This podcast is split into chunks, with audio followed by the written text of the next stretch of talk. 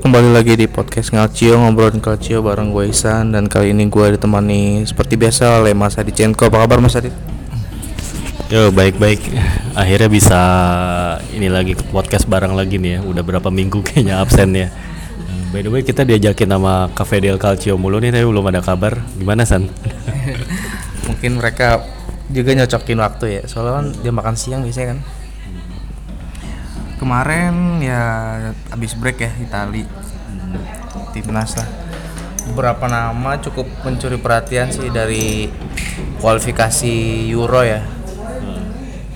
Nama-nama seperti Kulusevski yang di Parma lumayan bersinar di timnasnya juga lumayan oke. Terus Malinowski juga sama Ukraina udah pasti lolos kan ya? iya udah pasti.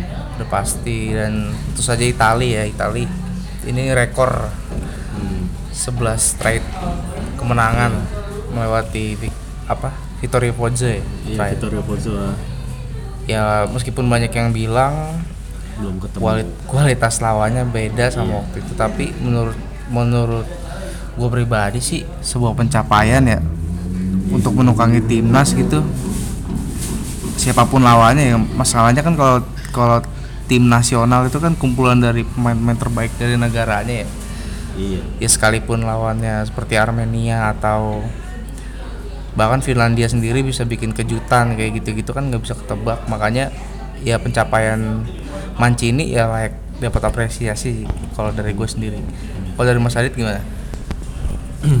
Ya kalau gue bilang 11 kemenangan beruntun apalagi dengan go- apa namanya perolehan gol yang eh, produktif banget 37 gol dari 10 pertandingan berarti kurang lebih rataannya hampir berapa ya? 4 gol dalam satu pertandingan. Itu kan udah kayak bukan Itali banget lah kalau gue bilang ya.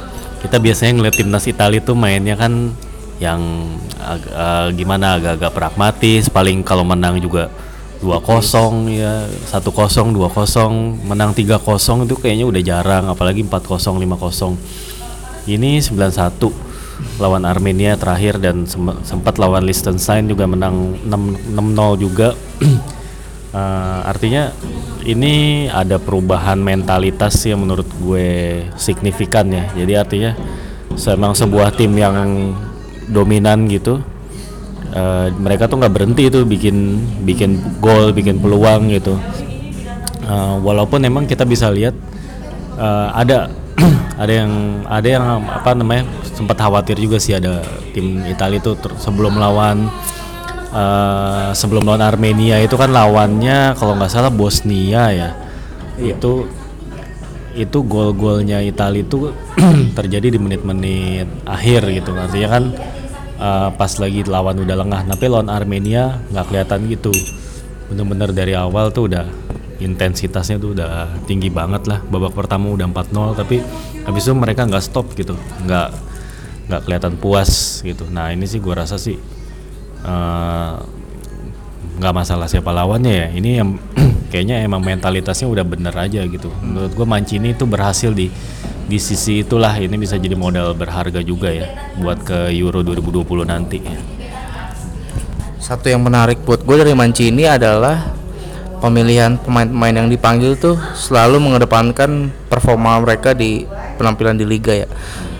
Setiap misalnya oke misalnya pada putaran pertama gitu lawan lawan Liechtenstein atau lawan Bosnia pemain-pemain ini emang emang kan sebenarnya polanya tuh udah ketebak ya sedikit udah mulai kebaca lah beberapa pemain intinya kayak di belakang Donnarumma Bonucci itu udah masuk udah masuk kayak list udah pasti main gitu terus di tengah Barella Verratti sama Jorginho itu kayaknya udah dapat jaminan inti gitu.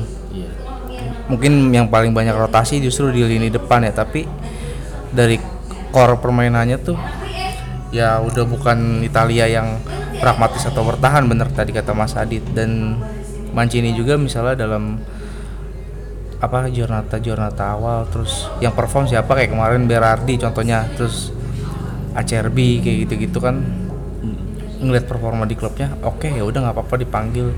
Mengesampingkan nama-nama yang mungkin udah biasa dipanggil tapi dia kayak di klubnya jarang main semacam kayak Rugani itu kan dia disampingkan kayak gitu-gitu kan. Bahkan El Sarawi yang udah merantau ke Cina pun masih dipanggil. Ini lumayan jarang juga berarti kan sebenarnya Mancini emang nggak mengabaikan siapa pun atau di liga mana pun gitu Iya iya. pemain Italia main ya itu selama dia bisa nunjukin performa terbaiknya mereka semua punya kesempatan bahkan Quagliarella aja sempat dipanggil gitu yang umur udah 36 Iya.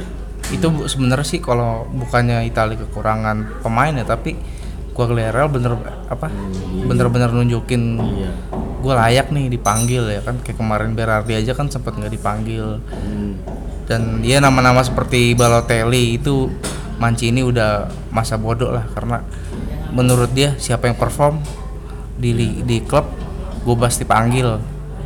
Sekelas klub-klubnya ya meskipun Balotelli di Brescia ya tapi seperti Tonali aja meskipun dari Brescia dan masih muda gitu ya tetap aja Mancini masih ngasih percayaan. Dari pemilihan pemainnya yang mungkin seleksi seleksi sambil jalan kali ya. Iya. Kalau menurut Mas Adit gimana? Ya di sini ya selain nama-nama tadi Mancini juga nggak mengabaikan pemain-pemain yang main di luar Liga Italia berarti kan. Tadi ada El Sharawi dan sempat ada siapa Vincenzo Grifo waktu itu juga sempat dipanggil. Eh, ya pemain dari Bundesliga dari Hoffenheim kayaknya. Eh, dan ini juga nunjukin bahwa dia emang objektif gitu. Dan dia juga merhatiin pemain-pemain yang nggak cuma di Serie A yang mana itu adalah uh, hal yang bagus pengalaman yang bagus. Pemain seperti Vincenzo Grifo ini kan bahkan dia pemain apa kalau nggak salah dia tuh emang dari kecil di Jerman nih. Dia karena punya darah, darah Italia aja gitu. Dia jadi bisa eligible bela tim Italia artinya Mancini tuh nggak nggak ngelihat ya benar tadi dia objektif dia nggak ngelihat dari klub mana main di liga mana gitu. Cuman dia pure ngelihat uh, form. Uh, dia formnya bagus dipanggil. Ya formnya lagi nggak bagus nggak dipanggil gitu. Emang uh, ini juga ada plus minusnya juga sih gue bilang. Kalau kalau plusnya tentu aja ya ini fair buat para pemain gitu yang udah perform bagus uh, emang layak dipanggil gitu. Tapi kadang-kadang kalau kalau kita berbicara di turnamen gede ya, turnamen misalnya turnamen Piala Eropa lah gitu. Kita sih berkaca sama yang sejarah juga sebenarnya. Dulu uh, walaupun ini udah agak kejauhan ya, tahun 82 pelatih Enzo Bearzot itu manggil Paul Rossi. Pada waktu itu Rossi itu lagi skorsing dan baru main sebulan kalau nggak salah, baru lepas hukuman tuh sebulan tapi dia tetap dipanggil nah itu waktu itu banyak wartawan yang ngeritik tuh gitu artinya tapi si Biarzot benar-benar percaya sama kualitas bahwa Rossi ini walaupun dia mungkin belum balik ke form terbaik dia punya emang dia punya talenta dan punya kualitas gitu. Jadi mungkin eh, kalau di turnamen gede gua rasa sih Mancini pasti akan mikir ulang sih bisa jadi nanti menjelang Euro. Siapa tahu ntar dia ada nama-nama kejutan yang asalnya tuh dari preferensi dia ataupun ngelihat dari uh, reputasi pemain tapi bukan maksudnya ngelihat reputasi doang ya. Tapi karena pemain ini emang di, kualitasnya dibutuhin dan dia ngerasa mungkin pemain ini punya faktor apa ya kayak faktor X lah yang emang dia bisa kayak bikin uh, nyiptain sesuatu yang padahal uh, out of nowhere gitu. Kayak gitu bikin nyiptain peluang sendiri gitu pemain-pemain yang memang punya skill tinggi gitu. Maksudnya sih gitu sih kalau gue bilang ya. Dan contohnya juga kita lihat Italia tahun 2010 gitu. Itu kan Lippi kebanyakan pakai pemain dari tim-tim yang 2006 dan juga benar-benar pakai pemain yang sesuai preferensi dia yang emang formnya sih lagi lumayan bagus tapi nggak punya pemain yang kreatif juga waktu saat itu problemnya. Nah Mancini gue rasa nanti di Euro 2020 ini perlu pertimbangin juga ya variasi dari pemain-pemainnya artinya dia bisa ngegabungin pemain yang punya pengalaman, pemain yang punya skill, pemain baru dan juga pemain yang formnya bagus perlu digabungin sih. Dan uh, gua rasa Mancini udah ngasih porsi itu cukup fair ya. Pemain kayak Sandro Tonali itu kan buat masa depan, buat uh, regenerasi juga. Terus pemain kayak si siapa uh, Orsolini itu juga kan buat masa depan juga gitu. Tapi pemain yang senior dia juga nggak ninggalin. Ada kayak Bonucci, ada Chiellini bahkan kemungkinan kalau sembuh bisa aja dipanggil. Nah, salah satu pemain yang faktor X tadi gua rasa sih Chiellini juga. Walaupun misalnya gua menurut gue sih walaupun misalnya dia baru sembuh sebulan sebulan atau dua bulan sebelum turnamen gitu. Gue rasa bisa aja dia tetap dipanggil karena memperhitungkan kualitas sama pengalaman dia walaupun mungkin dia jarang diturunin di Juve gitu. Dan sebenarnya ya kenapa Itali bisa menjaga performanya meskipun nih udah pasti lolos? Biasanya kan dulu Itali kalau misalnya udah udah pasti lolos tuh ke belakang mainnya malas-malasan. Tapi kemarin lebih tetap produktivitas tetap terjaga. Salah satu faktornya mungkin itu mas kayak mereka yang dikasih kesempatan. Inilah saatnya gue nih buat membuka keran gol di timnas. Itu kan sebuah kebanggaan juga kan buat mereka. Ya ya contohnya kayak Acer bilang meskipun ya di umur dia yang udah nggak bisa dibilang muda tapi dia bisa dipanggil terus dia ngebuktiin cetak gol ya meskipun dia pemain bertahan dan itu mungkin ada kebanggaan tersendiri makanya apa Itali meskipun udah lolos tapi performanya tetap terjaga gitu karena pemainnya punya sebut aja grinta kali ya punya Iya. motivasi lebih lah dari kesempatan yang mereka punya ya mungkin kalau di Euro 2020 nanti ya sebenarnya kan peta kekuatannya tuh hampir sama ya dari negara-negara lain kalau yang kita lihat. Udah nggak ada dominasi yang bener-bener nyata gitu kayak Iya, iya. nggak kayak Spanyol 2012 atau Jerman s- 2014 kayak gitu-gitu ya. Atau kayak Prancis 2016 yang yang secara mengejutkan kalah sama Portugal gitu kan. Iya. sebenarnya kan materi-materi pemain mereka kan emang apa di atas kertas tuh emang punya kualitas gitu.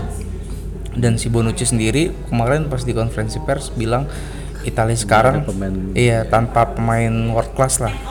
Ya justru bagus kayak gitu. Intinya karena apa level pemain world class gitu kan Italia itu dalam tahap menuju ke sana ya kalau yang gue lihat ya meskipun ya mungkin belum belum ada beberapa ya paling baru beberapa lah yang bisa disebut kayak Verratti atau Bonucci gitu. Ya pem- pemain-pemain seperti Donnarumma, Chiesa yang masih muda-muda gitu. Terus Orsolini mungkin nantinya atau Iya atau bahkan Tonali, Zaniolo kayak gitu-gitu kan. Mereka kan udah mulai menunjukkan nih jadi level level pemain Itali dan kalau kita ngelihat pemain apa negara seperti Belanda gitu kan sebenarnya mereka juga sedang membangun tim dengan kualitas yang hampir mirip gitu. Jadi kayaknya peta persaingan di Euro nanti ya mungkin masih susah buat diprediksi mas ya? Iya.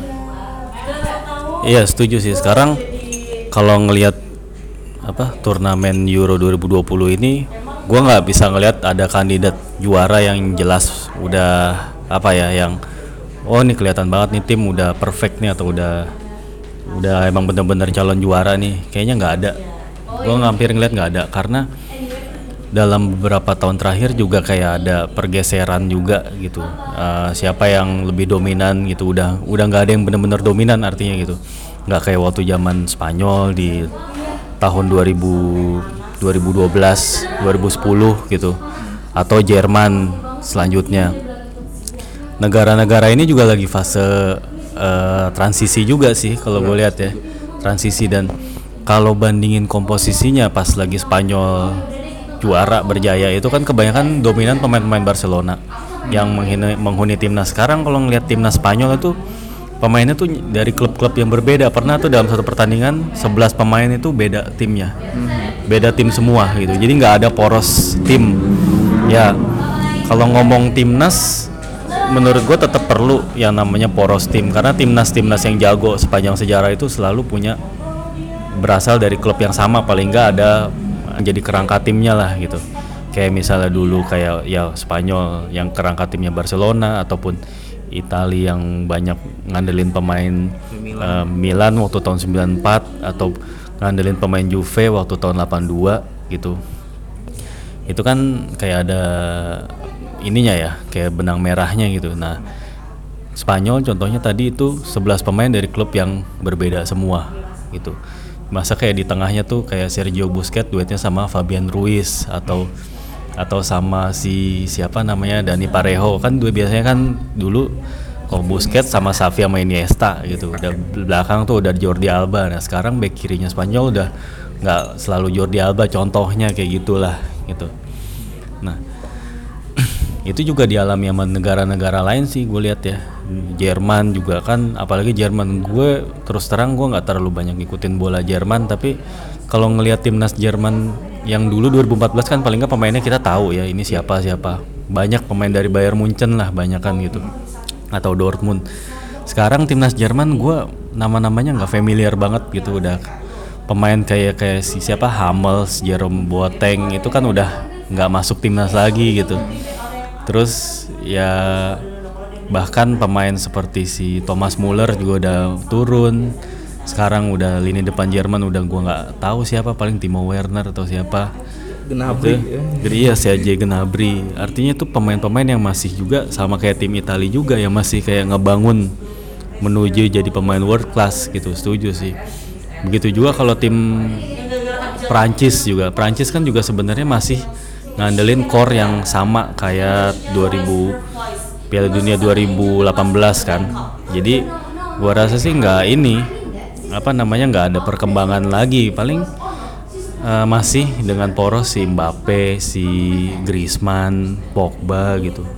Ya kayak gitu-gitu. Dan gua rasa tim kayak Itali, Belanda dan Inggris nih yang paling menarik sih tahun Euro 2020 Belanda ngegabungin pemain muda dan pemain yang yang experience kayak siapa uh, Virgil van Dijk atau Wijnaldum uh, ya. Sementara Inggris juga kan 2018 itu bisa sampai semifinal gitu. Juga terus ada pemain seperti Sancho lah pemain kayak siapa Sterling lah yang udah mateng. Ya gua rasa sih tim-tim inilah yang bakal jadi rivalnya Italia sih. Gue lebih suka begitu walaupun kita juga nggak bisa kesampingkan Jerman atau Spanyol juga ya. Ini gitu. ya ya itu baik lagi. Tadi ya memang dom- dominasi klub pun mungkin beberapa tahun terakhir kayak di Champions League kan memang Spanyol sangat mendominasi ya. Bisa dikatakan belum beberapa tahun Real Madrid cuma selang-seling sama Barcelona atau Bayern Munchen aja gitu yang yang memang secara kualitas pemain emang jomplang gitu dari tapi kemarin secara mengejutkan ya emang udah kelihatan nih beberapa beberapa pemain eh beberapa klub kayak Madrid gitu kan pemain-pemain utamanya udah termakan usia ya semacam Marcelo, Modric atau Toni Kroos. Muncullah Liverpool yang memang dari tahun sebelumnya udah cukup powerful lah tinggal kurang masalah kiper doang dan udah teratasi sama Alisson gitu.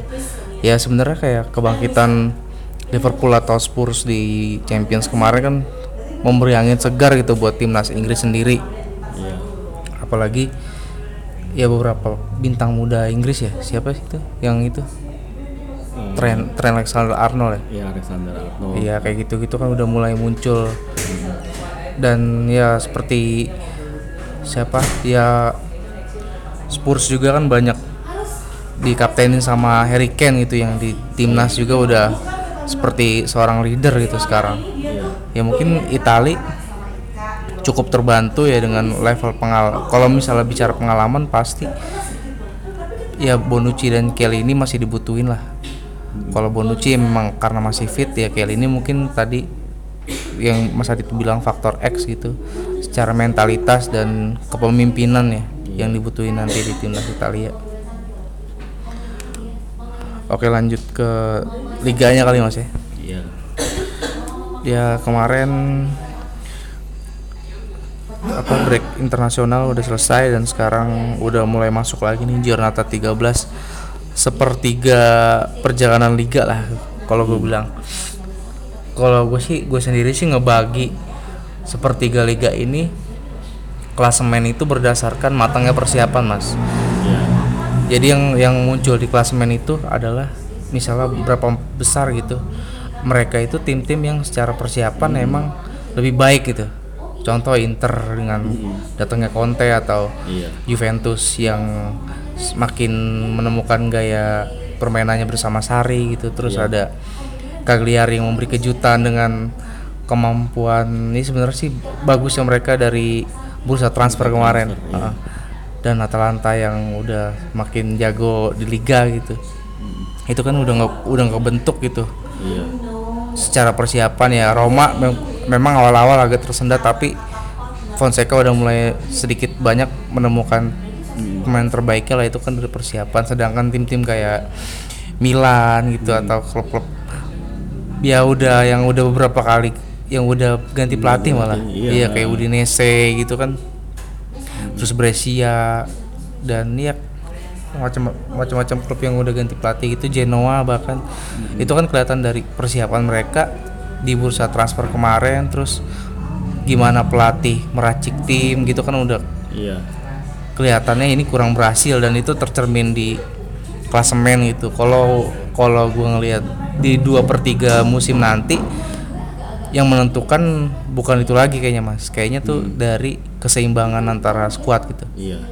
kedalaman squad. Yang menarik ini kita bakal bahas di sini mungkin keseimbangan masing-masing squad di Serie A. Apakah apa bakal ada perubahan lagi nih di di papan klasemen? Karena kalau melihat keseimbangan sih Juve itu udah bisa di atas kertas lah karena kedalaman skuadnya lebih bagus. Sedangkan Inter udah mulai kecium nih beberapa masalahnya nih. Iya. eh, dari masalah faktor kedalaman skuad itu. Iya. terus ya mungkin Cagliari atau Atalanta belum kehilangan pilar-pilar pentingnya ya Iya. tapi ya bisa jadi itu bakal jadi penghambat karena di Napoli sendiri faktor keseimbangan itu udah mulai goyah bukan sebenarnya bukan karena kedalaman skuad sih karena faktor masalah internal ya Iya, internal. kira-kira gimana Mas Ari? dua per tiga musim ke depan nih dari mulai Giornata 13 nih gambarannya Ya setuju soal eh, dua per tiga Eh, dua per tiga musim ke depan itu akan nentuin tuh masalah eh, endurance ya. Kan ini kompetisi yang eh, liga ya yang bu- ini bukan kom- kompetisi yang bentuknya formatnya turnamen tapi ini eh, liga. Jadi emang menurut gue emang butuh yaitu tadi konsistensi sih terutama. Dan konsistensi itu terbentuk karena adanya banyak faktor lah kayak pemain yang fit ataupun ataupun kalau misalnya pemain inti itu nggak fit ya ada kedalaman skuadnya juga yang mumpuni dan juga taktik pelatih yang juga bisa beradaptasi gitu. Nah lagi-lagi kalau bicara soal ini Juve lah yang yang udah nyaris kayak nggak ada nggak sulit dicari kelemahannya lah gitu. Kedalaman skuad mereka udah oke terus mereka juga udah mulai terus beradaptasi sama taktiknya Sari gitu jadi walaupun Sari ini sebenarnya ada kesempatan sih sebenarnya karena Juve masih namanya tim yang masih transisi itu pasti akan ada kesulitan lah. Tapi ini ngelihat tim-tim Serie A yang lain juga nggak nggak bisa manfaatin situasi ini ya kayaknya gua rasa Juve masih akan terus di atas gitu. Walaupun kita juga bisa bilang Juve bukannya tanpa masalah juga mereka juga sering banget menang menang dengan apa ya dengan permainan yang kurang mengesankan lah gitu kayak waktu lawan Milan itu Milan yang banyak lebih banyak menguasain pertandingan dan bikin peluang. Tapi Juve dengan karena dia punya pemain sekelas Dybala ya dia bisa Dybala bisa bikin perbedaan gitu. Nah nah Inter ya setuju sih.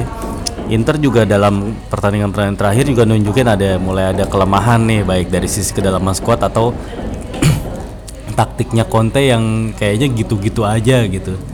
Taktiknya Conte itu artinya kalau dia kehilangan pemain-pemain yang jadi andalan ya kayak terutama di tengah si Barella sama si Brozovic sama Sensi itu kan dimainin terus kalau mereka selama mereka nggak ada akumulasi kartu ya. Artinya fit dan nggak fit tetap harus main gitu. Kecuali Sensi emang cedera jadi nggak main. Nah ketika Sensi cedera ini hampir lah beberapa kali Inter tuh kehilangan poin kalau nggak diselamatin sama kayak aksi-aksi brilian kayak kemarin si Barella ya yang gol dari jauh kayak gitu-gitu.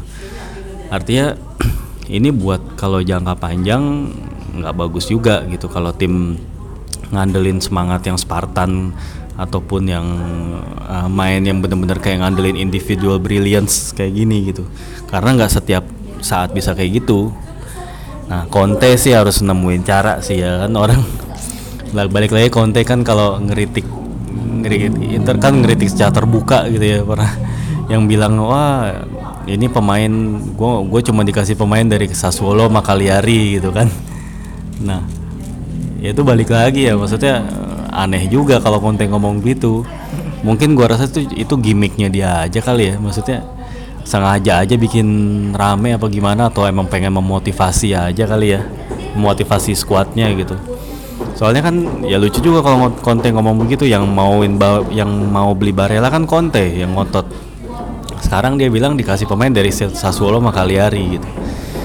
Dan nyaris Conte tuh gue bilang udah dibeliin hampir semua yang dia mau lah dikasih apa yang semua yang dia mau. Gaji gede pemain-pemain yang banyak gitu. Ya tapi ya ini kita bisa lihat lah nanti Inter seperti apa nih terutama di bulan Desember sampai Februari kita kita tunggu aja apakah penyakitnya kambuh lagi ya. Ya kayak Napoli tadi gue juga lihat ya sama seperti yang tadi lu bilang benar ada masalah internal dan itu juga dipicu oleh hasil-hasil jelek. Ya mungkin karena salah satunya karena Goli Bali dan Manolas kayaknya belum terlalu padu. Terus Napoli kan kalau salah sekarang pakai 4-4-2 ya formasinya ya. Nah itu empat dia tuh kayaknya nggak punya gelandang yang benar-benar ball winning gitu yang nggak dipakai. Jadinya itu pertahanannya ya kurang terproteksi. Akhirnya mereka jadi kayak sering kehilangan poin gitu. Dan ini berimbas hasil-hasil jelek mentalnya turun. Nah terus presidennya marah dan presidennya tuh eh, ya serampangan gitulah. Tuh tiba-tiba ikut campur masalah internal tim gitu. Pemain disuruh retiro gitu akhirnya pemainnya pada nggak suka pelatihnya Ancelotti juga ngedukung pemain ya jadinya runyem lah situasinya gitu.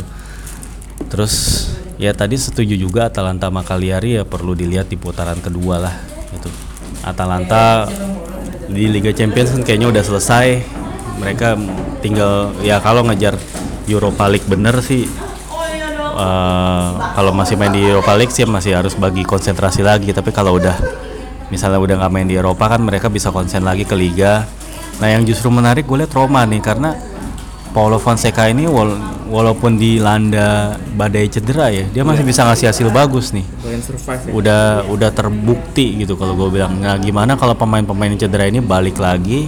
Gue rasa sih Roma punya potensi gede banget apalagi eh, mereka benar-benar bisa nutupin titik lemah lah kayak kemarin di lini belakang sekarang tuh Chris siapa yang nyangka Chris Smalling bisa bagus gitu. Gianluca Mancini juga bisa jadi solusi kalau gelandangnya cedera. Terus Paul Lopez juga udah mulai stabil gitu. Di lini, lini depan juga nggak nggak ada masalah berarti itu menurut gua Roma punya potensi gede sih musim ini. Ya itu dan ya beruntungnya nanti mungkin faktor apa masalah keseimbangan ini buat 2 per 3 musim ini bakalan ditutup dengan jeda apa musim musim dingin ya. Transfer musim dingin. Mungkin itu sa- salah satu cara buat berbenah ya. Untuk menutupi segala kekurangan tapi dari balik lagi tadi sepertiga persiapan itu beberapa tim udah menunjukkan ya. Contohnya ya Fonseca dengan Roma meskipun dengan pemain ala kadarnya gitu tapi dia bisa survive bahkan hasil beberapa hasil yang mengejutkan yang tetap produktif gitu dengan pemain-pemain iya. banyak yang cedera gitu. Keren sih. Dan ya mungkin beberapa tim yang keseimbangannya biasanya stabil seperti Lazio kayak gitu bakal suatu waktu bakal ambil kesempatan gitu yang bisa ada beberapa tim yang kepleset atau gimana karena Lazio sendiri di lini depannya sedang on fire. Iya. Ciro Immobile menjadi top scorer ya pembuktian dia juga lah. Mungkin salah satu faktornya dia bakal mau nunjukin nih kalau gue bak bakalan harus jadi pemain pilihan utama buat lini depan Italia sekarang. Ditambah lagi Joaquin Korea juga udah mulai padu. Ya mungkin kalau misalnya kita bicara lini depan itu ya duet lini depan mungkin yang paling terdepan sekarang duet Korea Immobile sama ini kali ya mas Lautaro Lukaku ya. Iya. Kalau dari segi produktivitas yang menarik sebenarnya Cagliari nih. Hmm. Cagliari ini wah hasil Barella. Iya uang hasil Barella bisa dipos-posin ke beberapa pemain yang bisa jadi vital gitu. Sebenarnya ya memang bahkan Raja Nenggolan sendiri di wawancara dia tuh nggak menyangka Cagliari bakalan ini bahwa bisa meroket seperti sekarang tapi kalau ngeliat gaya Maran yang bahkan musim lalu sempat diisuin mau diganti gitu dan bisa manfaatin skuad mereka dari ya banyakan pinjaman ya kayak Iya. Simeone gitu terus si Marco Rock di lini tengah terus si siapa kiper Roma? Olsen. Olsen jadi jago banget itu. Di di Cagliari. Ya mungkin ini salah satu faktor yang daya kejut lah seperti Atalanta musim lalu lah. Ya ya ini mungkin wa- wa- wajib diwaspadai ya seperti Lazio atau Cagliari itu atau bahkan Roma. Roma kayaknya bener-bener nungguin siapa di antara tiga besar ini yang kepleset gitu. Karena Napoli sendiri udah mulai goyah gitu dan Napoli kayaknya pembenahannya harus mendasar ya. Karena beberapa pemain kunci contohnya kayak Mertens terus si Kaehon itu kan mau habis nih kontraknya di Juni depan. Kalau misalnya Januari ini manajemen nggak ngasih mereka perpanjangan kontrak kan otomatis mereka cabut dengan percuma gitu. Dan ini kayaknya tinggal bagaimana tim-tim ini membuat mungkin dari manajemen kali manajemen tim ini membuat keputusan-keputusan atau pergerakan-pergerakan di bursa transfer musim dingin. Ya mungkin ini juga yang bisa dilakukan sama tim-tim yang lagi turun macam Milan gitu. Atau ya Fiorentina gitu yang kayaknya udah saatnya ganti pelatih. Gimana mas? Ya tadi ngomongin tim kayak Lazio Ya Lazio emang musim ini kayak sekilas lebih berbahaya sih karena eh, sekarang mereka tuh kayak ngandelin hmm, lebih banyak pemain yang bertipe nyerang gitu ya di timnya. Kalau musim lalu kan eh, lebih banyak Luis Alberto tuh ditaruh di depan duet sama Immobile, Jo Joaquin Correa itu paling ya sekali lah jadi di rotasi. Nah sekarang nih udah paten nih di situ Luis Alberto tuh di belakang si Immobile sama Joaquin Correa. Terus eh, belum lagi eh, gelandang seperti Sergej Milinkovic Savic juga ada di situ yang jadi box to box. Nah, kalau sebelumnya kan Parolo sama sama Milinkovic Savic yang di posisi itu. Nah sekarang bedanya Luis Alberto. Nah daya serang mereka sih makin dahsyat sih. Cuman pasti ada keseimbangan yang agak terganggu karena gelandang pekerja kerasnya itu berkurang gitu. Ya, ini sih gua rasa sih eh, dalam jangka panjang ini bisa jadi masalah juga gua rasa. Apalagi Lazio itu terkenal walaupun punya kualitas bagus tapi tim mereka tuh apa hasil pertandingan mereka tuh nggak konsisten. Ini kelemahannya Lazio ya kalau gue bilang. Dan mereka juga nggak punya kedalaman squad yang semumpuni eh, tim-tim papan atas gitu. Ya gue rasa sih ntar ada saatnya mereka akan mengalami kemunduran walaupun ntar akan balik lagi tancap gas lagi di akhir musim gitu. Lalu tim-tim seperti Cagliari ya gue juga bilang ini emang pure bener-bener eh, kebijakan transfer yang pas gitu. Lo kalau bandingin situasinya Milan dan Cagliari, contohnya gitu, ini adalah satu perbandingan antara satu tim yang satu punya transfer policy yang berantakan, yang satu lagi yang udah pas banget gitu. Itu buktinya sekarang gitu. Ya walaupun Cagliari dilatih oleh seorang Rolando Maran gitu siapa gitu nggak nggak terkenal juga kebanyakan melatih tim papan bawah gitu. Tapi ternyata di kalau ketika dikasih pemain yang tepat ini eh, akhirnya si Maran juga bisa ini bisa ngasih solusi juga bisa manfaatin juga ya dengan pemain yang ada gitu dan begitu juga kalau tim kayak Fiorentina tadi emang sebenarnya nggak ada yang kurang sih dari Fiorentina squad apa namanya udah jauh lebih bagus pemain kayak Frank Ribery juga ada Kiesa juga pastinya makin mateng. Be- belum lagi juga si Milen Milenkovic yang kayak gitu. Ini emang tinggal emang butuh sosok pelatih yang benar-benar bisa manfaatin talenta mereka sih walaupun kita juga nggak bisa lupain jasa Montella karena dia berani ngorbitin pemain seperti Gaetano Castrovilli ya. Mungkin kalau Montella nggak berani nurun- nurunin Castrovilli kita belum tentu tahu nih siapa tuh pemain itu gitu. Belum lagi pemain seperti si siapa Dusan Vlahovic juga kayaknya udah mulai sering diturunin kemarin bikin dua gol. Nah ini tim ini tim yang bagus sih tim yang punya potensi untuk uh, jadi kejutan. Tapi gua rasa dengan owner yang lebih ambisius dan juga tim uh, dengan materi pemain yang lebih baik sayang aja kalau Fiorentina itu cuman kayak di papan tengah. Dan gua rasa emang untuk ningkatin levelnya dia harus mungkin butuh pelatih yang emang lebih mumpuni lah yang kayak Spalletti lah mungkin atau semodel mungkin kalau berani pelatih asing lebih bagus ya. Kalau berani bayar Pochettino kayak kayak berat bayar Pochettino. Mungkin ya yang uh, siapa lagi ya? Gue ya, ya bisa jadi ambil ambil pelatih dari inilah dari Bundesliga lah gitu.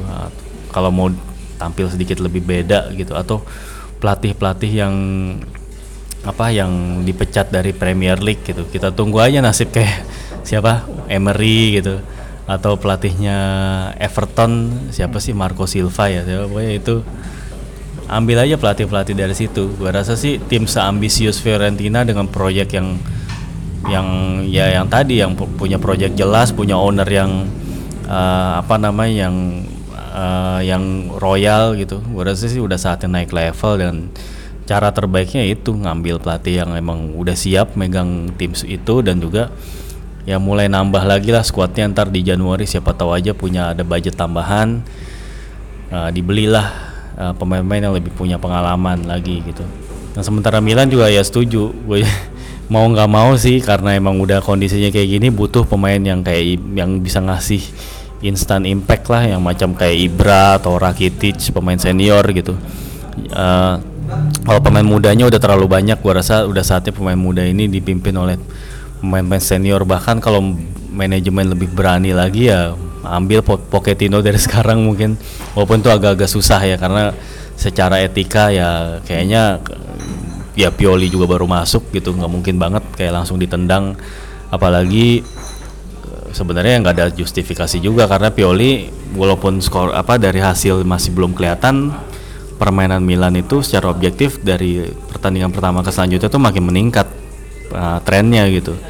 Artinya kalau nendang Pioli saat-saat kayak gini juga itu bakal nggak bagus juga sih. Tapi ya ini emang mereka tetap butuh inilah reinforcement ntar di Januari dan ini emang berguna supaya naikin posisi mereka tuh paling nggak ke zona Eropa itu aja kalau Milan dan kalau tim lain yang gue khawatirin tuh tim kayak Sampdoria, Spal itu agak susah bangkit walaupun Sampdoria udah punya Ranieri yang katanya apa udah nge, apa ngebenahin lini pertahanan gitu. Tinggal gimana mereka nyerangnya aja gitu.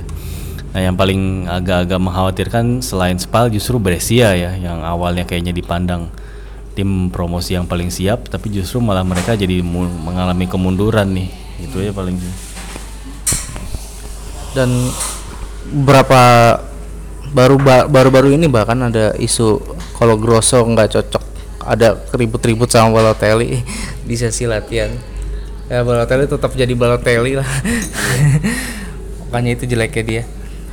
Dan kalau ya benar tadi kata Mas Adit Brescia mungkin Brescia Spal atau Sassuolo yang lagi di papan bawah.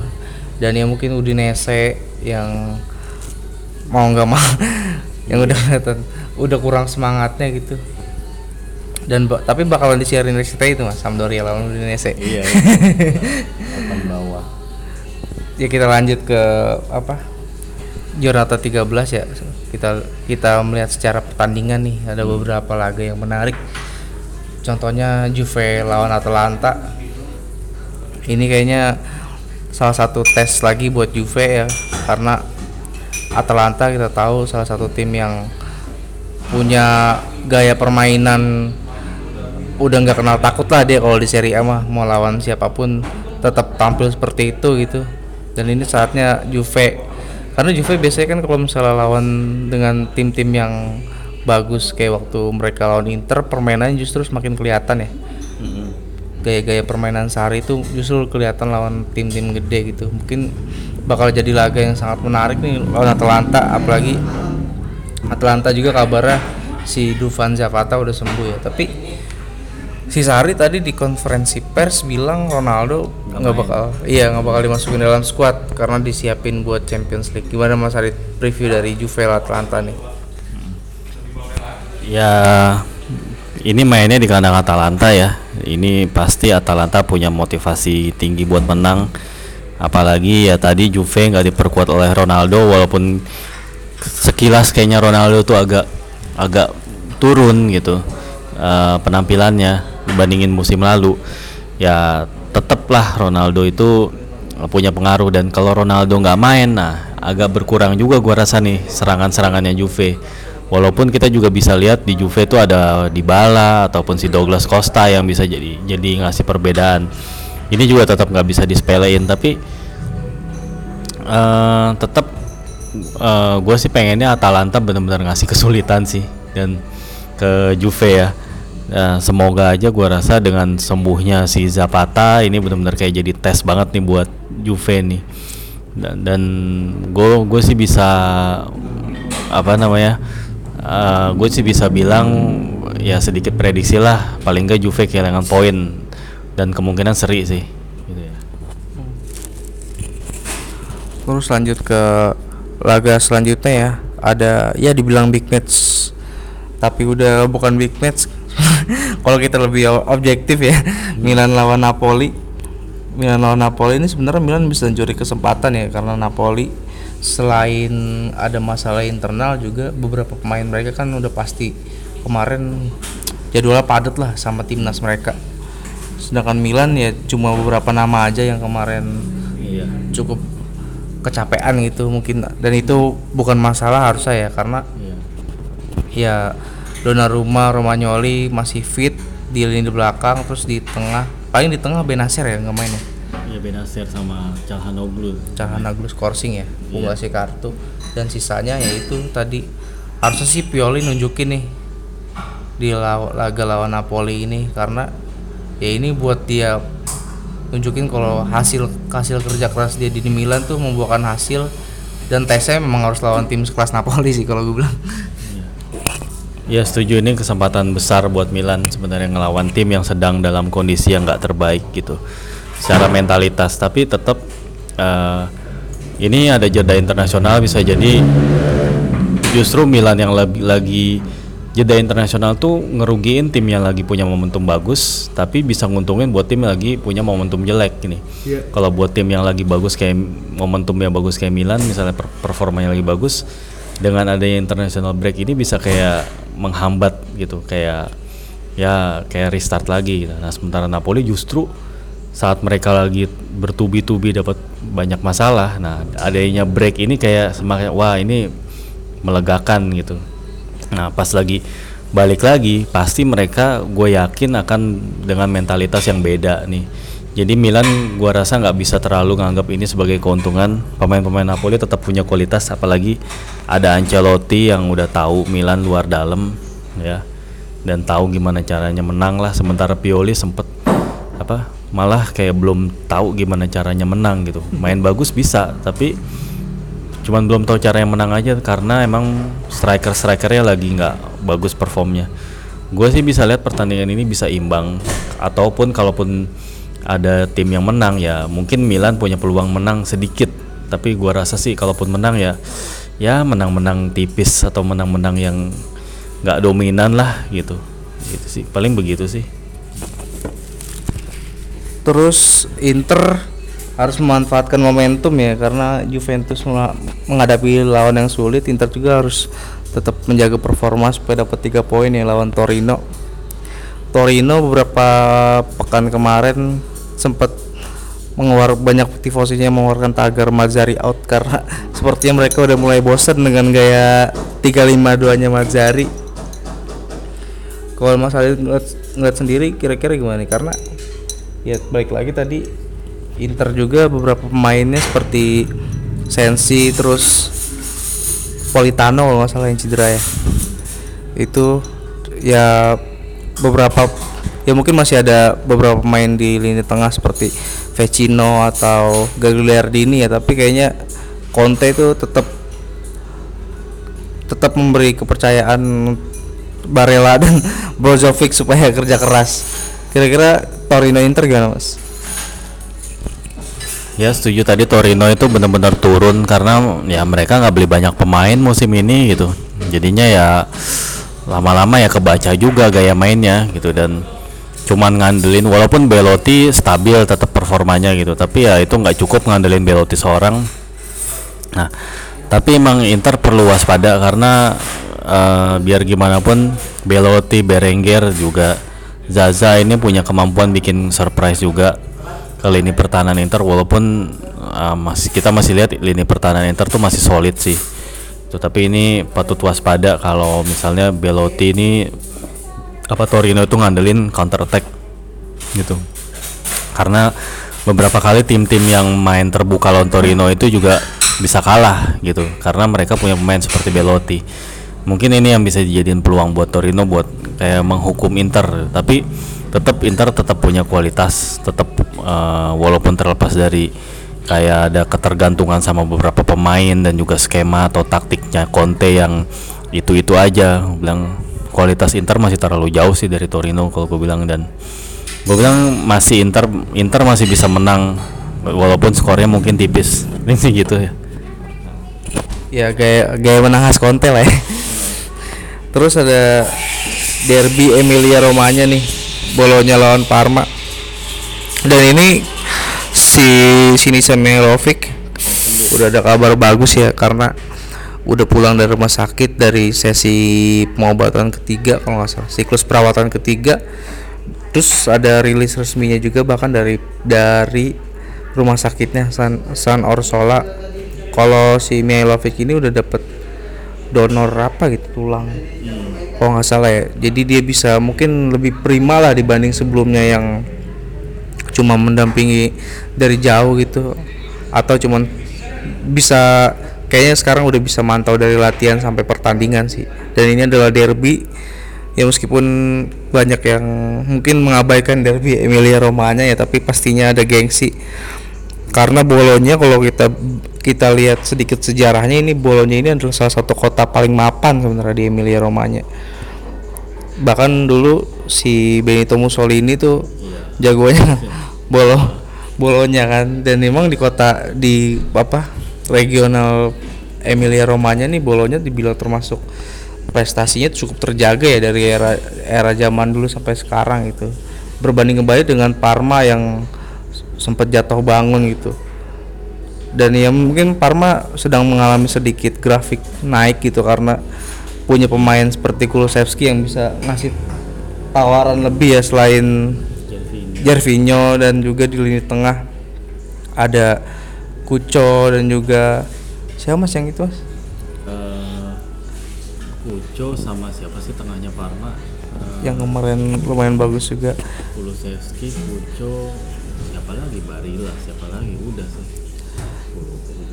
Terus sama ya depannya ada Cornelius ya, hmm. yang lagi lumayan cukup produktif. Ya, ini bakal jadi laga yang mungkin di luar prediksi kita bakal jadi laga paling menarik di Giornata 13 nanti. Karena ini derby. Gimana Mas Adit? Kira-kira previewnya? Ya emang sih derby Emilio Romanya nggak se nggak semegah kayak derby Milan atau derby Turin atau bahkan derby della Lanterna sih Sampdoria Genoa ya.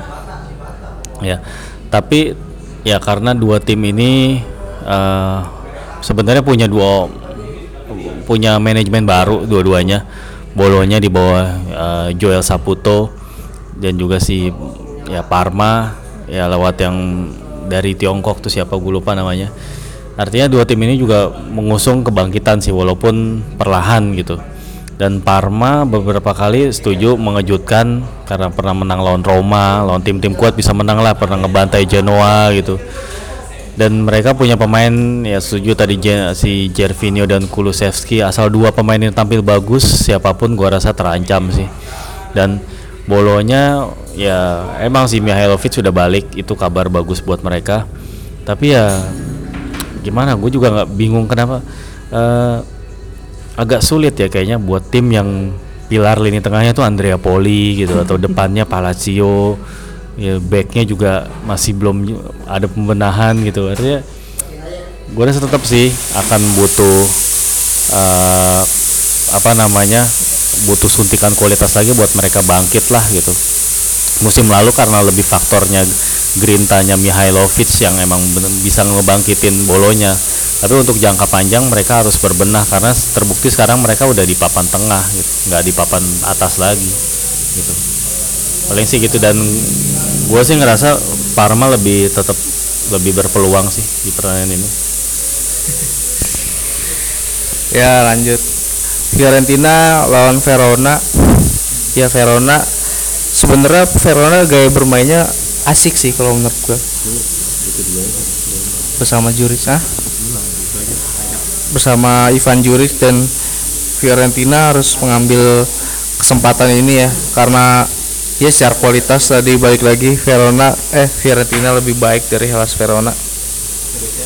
Juga ada beberapa laga lain seperti Roma Brescia, Sassuolo Lazio dan juga dua tim yang lagi berjuang di papan bawah ada Sampdoria sama Udinese, Spal Genoa dan Lecce Cagliari. Ya mungkin sisanya paling Sassuolo Lazio sama Roma Brescia kali yang yang bakalan menarik gitu tapi laga-laga seperti Sampdoria Udinese juga mencuri perhatian dan termasuk Spal Genoa nih apakah tim-tim yang memang berjuang di zona degradasi ini bakalan menunjukkan performa yang baik atau enggak? Kita lihat aja nanti di Giornata 13 karena ya baik lagi tadi sepertiga musim ini bakalan semakin menunjukkan gitu ya gimana tim-tim bakal melaju nantinya di 2 per 3 sisa musim 2019-2020 dan yang mungkin yang paling menarik mungkin dari laga-laga seperti Verona melawan Fiorentina ini gimana pemain-pemain muda bakalan mencuri perhatian gitu. Atau ya sedikit memberi angin segar lah gitu karena gaya bermain Verona juga lumayan asik. Gimana Mas Adit dari sisa beberapa pertandingan nih Verona Fiorentina Roma Brescia Sassuolo Lazio Sampdoria Udinese Lecce Cagliari dan Spal Genoa. Ya Spa- Spal Genoa sama Sampdoria Udinese ini duel papan bawah lah ya gitu.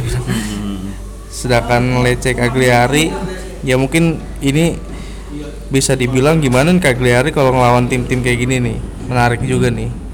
Dan dua tim ibu kota juga melawan tim yang gak gampang ya Sassuolo lawan lawan Lazio dan Roma lawan Brescia gimana preview sisa pertandingan lainnya mas Andi? Ya kalau Verona dan Fiorentina gue bilang nah, Fiorentina masih dalam kondisi nggak bagus tapi kayaknya Ribery udah bebas dari scoring ya kayaknya ya kalau nggak salah sih kalau emang bener Ribery bebas dari scoring gue rasa par apa Fiorentina punya peluang menang tentunya karena ah, terbukti Ribery ini perannya gede banget di serangan Fiorentina hampir semua eh, inisiatif umpan-umpan final ball bahkan bola mati juga dia yang ngambil. Bisa bisa dibilang dia nyawanya lah.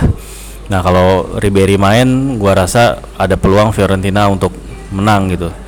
Tapi kalau misalnya Ribery-nya dalam keadaan nggak fit ataupun misalnya uh, lagi nggak bagus mainnya itu ya bisa jadi Verona yang bisa nyuri poin karena mereka punya pemain seperti si Veloso sama Amrabat nih mos apa ya kejutan sih gelan kejutan uh, pasangan gelandang yang tadinya nggak diperhitungkan tapi ternyata solid banget ngandelin uh, si Amrabat yang punya tenaga fisik yang kuat dan Veloso yang punya visi dan juga punya pengalaman di Serie A yang udah jam terbangnya tinggi lah gitu tapi ya untuk di pertandingan ini gue tetap dukung apa maksudnya gue rasa Fiorentina punya peluang lebih gede. Terus kalau si Sassuolo lawan Lazio nah ini juga De Zerbi ngelawan Inzaghi. Nah dua-duanya pelatih muda menjanjikan punya gaya main yang asik gitu kan. Si De Zerbi Sassuolo sebenarnya juga udah mulai uh, nemuin sih kayak eh, apa ya nemuin ketajamannya si Jeremy Boga dan juga si Caputo. Kemarin Caputo baru bikin dua gol dua gol yang bagus berkelas golnya. Terutama gol kedua nunjukin kalau dia striker yang memang bagus ya. Cuman ya masalahnya dari pemain seperti Caputo konsistensi belum tentu dia bisa ngelakuin itu sepanjang musim. Apalagi ngelawan Lazio yang udah tim yang udah mateng tim yang udah ya kerangkanya tuh udah terbentuk lah gitu Nah, gua rasa sih tapi Lazio ini justru lebih punya power ya, punya senjata yang lebih mematikan sih. Ada ada si siapa Immobile dan juga si Korea ini lagi on fire banget setuju. Dan gua rasa lini belakang mana pun tuh akan sulit ngentiin nih dua pemain ini nih gua bilang.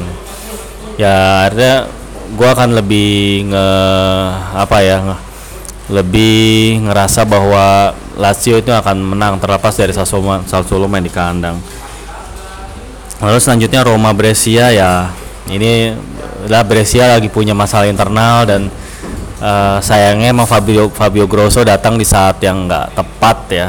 Maksudnya eh, ini sayang sangat disayangkan lagi-lagi. Padahal Brescia punya pemain-pemain yang potensial kayak Sistana dan juga Tonali. Eh, juga si siapa eh, John Cancelo juga kipernya juga Yesi Yoronen juga bagus. Cuman ya ngadepin Roma lagi-lagi kita tadi seperti yang tadi gue bilang Roma itu sangat berpotensi banget di bawah Paolo Fonseca lebih inilah lebih lebih matang dan lebih nyerang lebih atraktif mainnya gitu dan gue rasa nggak ada alasan buat Roma untuk nggak mengambil tiga poin dan kemudian Sampdoria Udinese ini duel duel tim papat bawah yang gue nggak tahu kenapa- RCTI milih nyarin ini gitu daripada jamnya cocok Iya mungkin karena jamnya kali ya daripada si nyarin si Verona Fiorentina atau Sassuolo Lazio yang lebih seru gitu kelihatannya. Tapi ya udahlah. Ini tim eh siapa namanya Udinese pelatihnya siapa Luka Gotti apa siapa sih? Caretaker. Terus Sampdoria juga Ranieri ya. Ya bisa kebayang lah pertandingan macam apa yang bakalan terjadi ya tim yang benar-benar pragmatis hati-hati mainnya dan Ranieri iya. lucunya lebih sering Iya. Bertolacci ya, daripada Iya. Ya. Nah, ya Ranieri kan pakai 4-4-2 tuh biasanya ya. Mungkin Bertolacci dianggap punya kemampuan yang lebih komplit kali ya. Bertolacci duetnya sama si siapa Ronaldo Vieira atau sama siapa sekarang tuh jadinya. Terus ya, akhirnya dia akan pakai dua winger gitu. Nah ini gue masih nggak tahu nih mungkin si Gaston Ramirez akan digeser agak ke posisi winger sementara si Quagliarella gue nggak ngerti akan diduetin sama siapa nih. Apa apa sama si siapa? Si Caprari mungkin. Ya ya gue ya terlepas dari siapa pun line upnya yang main tetaplah Sampdoria itu paling nggak di bawah Ranieri eh, bagus dalam defense. Sementara Udinese juga nggak nggak banyak ngancem lah paling ya cuman faktor kayak pemain bener-bener ngandelin individual dari si De Paul, sama paling ya sesekali OKK kalau dapat bola-bola atas itu doang paling yang jadi ancamannya dari Udinese. Dan gua rasa ini kesempatan buat Ranieri buat ngebangkitin Sampdoria lah ngadepin kayak tim-tim Udinese ini. Dia harus bisa maksimalin supaya bener-bener bangkit jauhin zona degradasi. Jadi gua rasa Sampdoria menang Nah, Lecce Cagliari ini seru nih, gua rasa. Dan gua nggak duga juga Lecce ini ternyata bagus banget.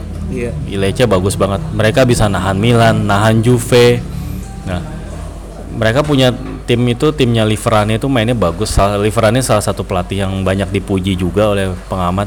Lecce itu selain mainnya Spartan, tapi juga dia punya beberapa pemain yang bagus juga ternyata Calderoni lah, kayak si Fulvio Falco lah, dan juga bahkan pemain yang sebenarnya nggak terlalu terkenal tapi fungsi cukup fungsional aja kayak si Taxidis gitu. Itu kan juga lumayan lah, kipernya juga Gabriel juga. Saya nggak nyangka tim ini bisa sejauh ini gitu. Nah ngelawan Cagliari tim yang tadi kita bilang sebagai tim yang punya transfer policy bagus ya. Ah, dan bahkan apalagi nanti kalau pemain seperti Pavoletti udah balik lagi ah, main lagi dan juga pemain eh, si Alessio Cragno juga balik lagi. Gua rasa Cagliari bisa jadi ah, seperti Atalanta musim lalu. Walaupun kalau untuk sampai finish Liga Champions sih mungkin nggak juga ya. Tapi paling nggak ya bisa lah ngintip-ngintip peluang Eropa lah. Dan gua rasa eh, mereka bisa sih mencuri mencuri poin. Walaupun gua rasa nggak akan mudah bisa jadi mereka akan bermain imbang sih lawan Lecce. Spal Genoa gimana, Si Kwame kemarin cedera ACL ya. Pas di jeda internasional nih bakal jadi kesulitan nih buat Diego Mota nih. Iya benar sih. Eh, Thiago Motta sebenarnya ya itu pelatih yang ternyata bisa mainin sepak bola atraktif ya. Gila itu yang gol yang dari permainan umpan-umpan pendek yang kalau kata wartawan dibilangnya tiki taka ya padahal ya, itu nggak nggak itu juga tiki taka itu kan kayak istilah doang. Itu bukan gaya sebenarnya. Kalau gue boleh sedikit ngoreksi itu juga goddess position sebenarnya. Tapi ya pokoknya intinya kayak gitulah sama. Eh, Mota ini tentunya butuh pemain-pemain yang seperti siapa ya, ya seperti Lasisione yang memang benar-benar udah terbiasa mainin gaya kayak gitu di waktu main di Ajax. Ini bakal bagus sih, cuman sayangnya emang Mota datangnya di tengah musim aja dan dengan pemain-pemain yang mungkin nggak sesuai kebutuhan dia. Buktinya dia terpaksa mainin Pandev gitu. Udah padahal udah uzur ya. Dan tentunya kehilangan Koame di saat-saat kayak gini merugikan juga gitu. Makanya nggak heran muncul rumor Chris Christoph Piontek bakalan di loan lagi ke sama Milan ke Genoa. Dan kebetulan itu eh, ada sam- nyambung niatnya Milan juga buat ngedatengin nge- balik si Ibra. Nah ini bisa jadi emang kalau emang Piontek pengen ngebalikin karirnya lagi pindah ke Genoa bakal bagus sih gitu. Dan eh, harusnya sih Genoa bisa lah ngatasin Spal gue bilang. Kalau emang terlepas dari Kwame absen ya, tapi paling nggak mereka masih punya Pinamonti, mereka masih punya siapa Andrea Favili kayak di depan buat ngegantiin si Kwame. Walaupun itu dengan begitu harus ngubah gaya karena Kwame ini tipe pemain yang punya akselerasi bagus, skill bagus. Sementara kalau dia mainin Favili ataupun si eh, siapa tadi si Pinamonti ya punya gayanya beda. Jadi perlu mungkin perlu ada penyesuaian juga. Nah, ini mungkin yang harus di ya PR-nya si Mota lah. Tapi gua rasa si Genoa punya peluang yang lebih gede karena dari kualitas pemain mereka sebenarnya lini lebih unggul ya dari kiper sampai depan tuh mereka merata sih gitu aja. Oke deh, itu sepertinya cukup mas ya untuk episode kali ini ya. Kita udah sempat bahas timnas Italia, terus ada beberapa ya sedikit review sepertiga musim lah dari Serie A musim ini dan gimana persiapannya untuk menghadapi dua per 3 musim ke depan sama ada preview dari Giornata 13 ya mungkin Mas Adit bakal mengulas lebih dalam soal laga Milan Napoli di podcastnya Kasa Milan Podcast Mas ya. Dan untuk episode kali ini seperti cukup sampai di sini. Ya mohon maaf jika ada salah-salah kata atau kualitas audio kurang mendukung karena kita tag di tempat yang cukup ramai juga. Terima kasih buat yang udah dengerin sampai habis. Oke, semoga episode kali ini bermanfaat. Kami pamit. Ciao.